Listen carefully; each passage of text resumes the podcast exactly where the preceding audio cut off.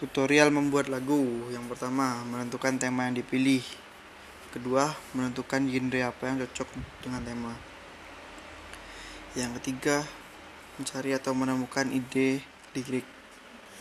Yang keempat, mencari atau menemukan nada-nada, terkadang mengambil dari referensi internet. Kelima, mencoba-coba nada dengan lirik hingga cocok.